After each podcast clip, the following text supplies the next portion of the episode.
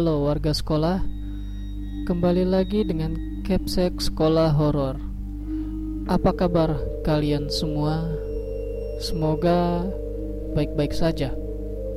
Di episode Sekolah Horor kali ini menceritakan tentang hantu penunggu kamar mandi bagian pertama. Cerita ini bersumber dari akun Twitter at RIANFRDNT. Selamat mendengarkan. Perkenalkan, namaku Sinta. Menjadi seorang mahasiswa di universitas yang bukan dari tempatku berasal, membuatku harus menyewa sebuah kos. Pertama kali aku masuk kos, ibu pemilik kos ini baik sekali. Bahkan aku sempat kaget dengan harga kos yang amat begitu murah. Ini silahkan diminum dulu dek Ucap ibu pemilik kos dengan lembut kepadaku Aku pun langsung bertanya Di sini ada berapa orang yang sewa kosnya ya bu? Dan si ibu pun menjawab Kebetulan lagi kosong. Baru dua hari yang lalu dia diwisuda Ibu turut bangga. Aku kemudian merasa lega. Ya, di sini memang sempat ditempati oleh seseorang. Dan dia adalah mahasiswa. Sama sepertiku Hingga kemudian aku pun jadi untuk menyewa kos di tempat itu. Namun sebelumnya aku harus pulang dulu ke rumah untuk meminta izin kepada orang tuaku. Setelah selesai meminta izin, aku pun kemudian membawa barang bawaanku. Tidak begitu banyak. Karena aku memang seorang wanita yang nggak terlalu mementingkan penampilan. Dan satu malam saat aku tidur di kosan, semuanya terasa baik-baik saja. Tidak ada hal aneh yang aku alami. Di kampus, aku bertemu dengan seorang teman. Namaku Dwi, begitu katanya.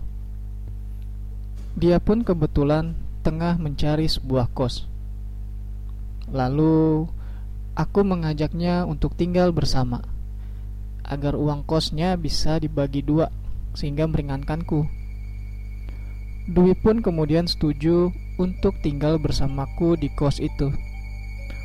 Dengan demikian, minimal aku tidak hanya tinggal seorang diri di sini.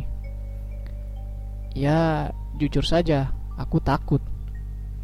Meskipun keamanan di sini begitu ketat, penjaga kos pun melarang keluar di atas jam 9. Tapi tetap saja rasa takut itu masihlah ada. Apalagi dengan keadaan diriku yang tengah tinggal jauh dengan kedua orang tua.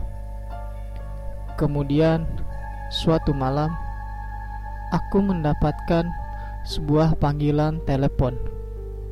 Ya, itu dari Dwi. Besok aku sampai di sana. Nanti kamu Sherlock aja ya. Katanya di ujung telepon. Iya Dwi, nanti aku Sherlock. Jawabku. Dan kemudian Dwi pun menutup teleponnya. Saat itu aku melihat Jam sudah menunjukkan pukul 10 malam. Dan masih belum ada tanda-tanda terjadinya sesuatu. Hingga kemudian Tiba-tiba perutku keroncongan. Ya, aku lupa bahwa sedari siang di kampus Aku memang belum makan sama sekali. Lalu aku pun berniat untuk pergi ke ruangan dapur. Barangkali persediaan mie instan untukku masih tersedia dan syukurlah masih ada. Aku pun kemudian memasaknya. Saat aku memasak, aku mendengar suara wanita tengah bernyanyi, seperti nembang. Suara itu berasal dari balik pintu kamar mandi. Detik itu pula jantungku berdegup kencang. Aku keringetan dan terus berkata dalam hati, "Hei Mi, ayo dong, cepat matang." Lalu, setelah mie instan yang kubuat telah matang, aku bergegas menuju kamar. Aku makan di dalam kamar dan menolak keluar lagi. Ya, itu memang agak samar dan tidak jelas. Tapi suara itu begitu hebatnya bisa terus terngiang di telinga ini. Malam itu aku sebenarnya ingin mengadu kepada ibu kos. Tapi rasanya tidak enak. Malam-malam harus membangunkannya. Lalu yang aku tunggu-tunggu pun akhirnya tiba. Ya, sinar mentari. Pagi itu saat aku hendak mandi, aku berjalan mengendap. Aku tengok kanan dan kiri. Semua masih utuh kecuali sikat gigiku yang tergeletak di bawah lantai. Sementara waktu sore ketika aku mandi aku sudah menyimpannya dengan rapi. Dan apa boleh buat pagi itu aku harus rela untuk tidak menyikat gigi. Sebelum berangkat, aku menyempatkan untuk membeli permen ya minimal tidak bau. Di kampus, Dwi masih belum masuk. Mungkin dia akan sampai nanti sore. Dan setelah aku pulang, benar saja dugaanku. Dwi menelpon. Sebentar lagi aku sampai. Begitu katanya. Aku yang tengah nongkrong di tukang fotokopian pun langsung bergegas kembali ke kos. Saat aku sampai di kos, aku sempat terkejut. Ibu kos tengah duduk di depan pintu kamar dan kemudian tersenyum kepadaku. E, bu, ada apa ya? Bukannya sekarang bukan tanggal iuran kos? Tanyaku. Si ibu menjawab dengan masih tersenyum. Memang bukan, Ibu hanya main saja. Ibu boleh masuk? Begitu katanya. Aku sedikit garuk-garuk kepala, ya kamarku masih berantakan.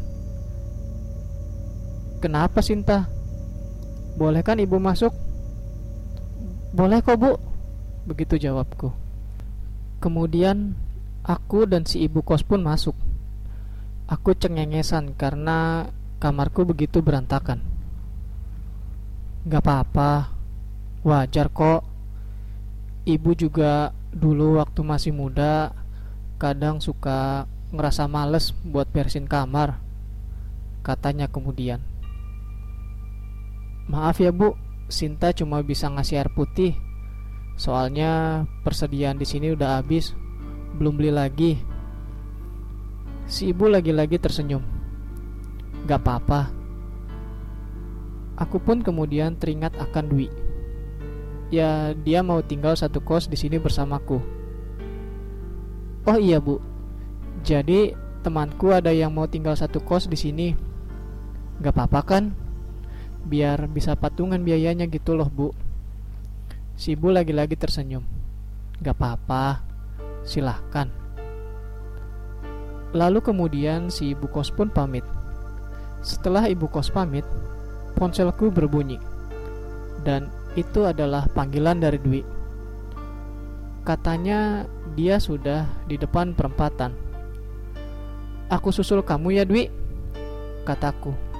Tapi kemudian Dwi menjawab, Gak usah, aku naik ojek aja. Nanti kamu Sherlock, katanya. Lalu singkat cerita, Dwi pun datang. Aku pun tersenyum menyambutnya. Ya, setidaknya untuk hari-hari ke depan akan ada seorang teman yang menemaniku di sini. Mungkin bisa jadi teman curhatku. Saat itu Dwi ingin mandi.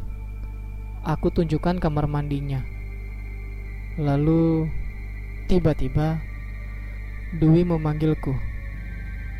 Katanya, "Ini kenapa? Kok berantakan kamar mandinya, Tak?" Aku pun terkejut. Hah?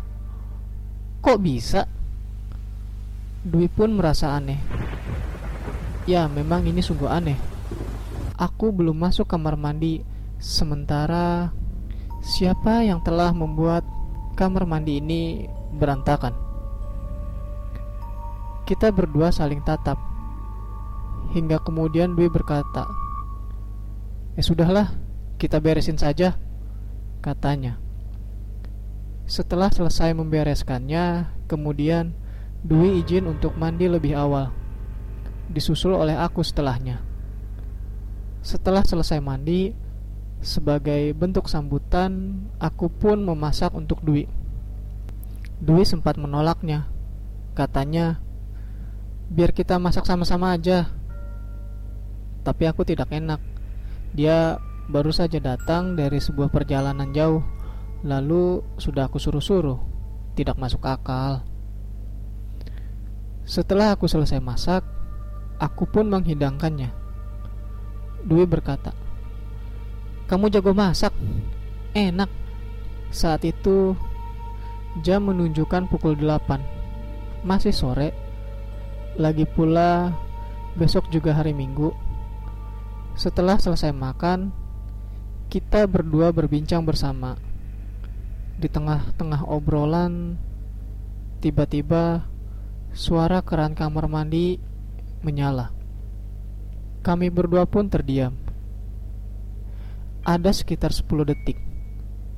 Kemudian keran itu mati kembali dengan sendirinya. Kita berdua kembali dibuat terdiam. Aku melihat Dwi dan Dwi melihat ke arahku. Kita berdua saling tatap. Sebelumnya, kamu pernah dengar ini belum? Tanya Dwi kepadaku. Aku menjawabnya dengan menggelengkan kepala. Kamu berani nggak buat cek ke kamar mandi? Tanya Dwi lagi. Jujur saja, aku adalah seorang penakut. Akan tetapi, rasa penasaranku ini begitu tinggi. Akhirnya, aku memberanikan diriku untuk mengecek kamar mandi. Ya, Dwi ikut di belakangku. Pintu masih tertutup rapi. Aku dan Dwi mendekatinya. Ku beranikan membuka pintu dan ya, tidak ada siapa-siapa. Susunan sabun mandi, odol, dan sikat gigi masih rapi. Tidak seperti tadi saat Dwi hendak mandi. Tiba-tiba semuanya berantakan. Kami berdua kemudian kembali ke kamar. Di dalam kamar, Dwi kemudian bertanya kepadaku, "Apa kamu sebelumnya benar-benar gak pernah mengalami kejadian kayak tadi?" Aku bingung, karena memang aku belum pernah mendengar keran menyala sendiri. "Belum," jawabku. "Tidur aja yuk." Perasaan aku udah gak enak nih, kata Dwi. Mendengar kata itu, aku menjadi semakin merasa takut. Terus terang, jika salah satu di antara aku, misalkan ada yang bersikap biasa saja atau bahkan berani, mungkin aku akan terbawa biasa saja, bahkan berani. Tapi karena duit takut, aku menjadi semakin was-was. Dan besok kami berdua sudah sepakat untuk bicara ke ibu kos tentang apa yang telah terjadi. Lalu siang pun datang, membangunkan kami berdua. Kami berdua pun berniat untuk mandi. Kini aku yang mandi duluan.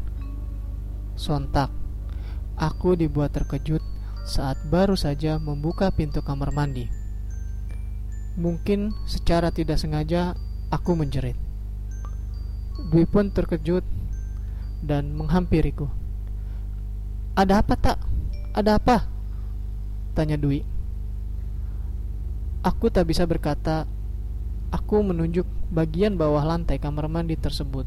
Di sana terlihat jelas ada sebuah jejak kaki. Dan ukurannya lebih besar dari kaki manusia normal. Kami berdua pun tidak mandi dan bergegas langsung menghadap ke ibu kos. Berencana untuk mengadu tentang hal yang kami alami belakangan ini. Namun sialnya ibu kos sedang tidak ada di rumah. Kami berdua pun berpesan kepada asisten rumah tangganya untuk menyampaikan kepada ibu kos bahwa tadi kami mencarinya. Saat itu kami tidak berani untuk pulang lagi ke kosan. Dengan keadaan belum mandi, kami berdua diam di sebuah warung.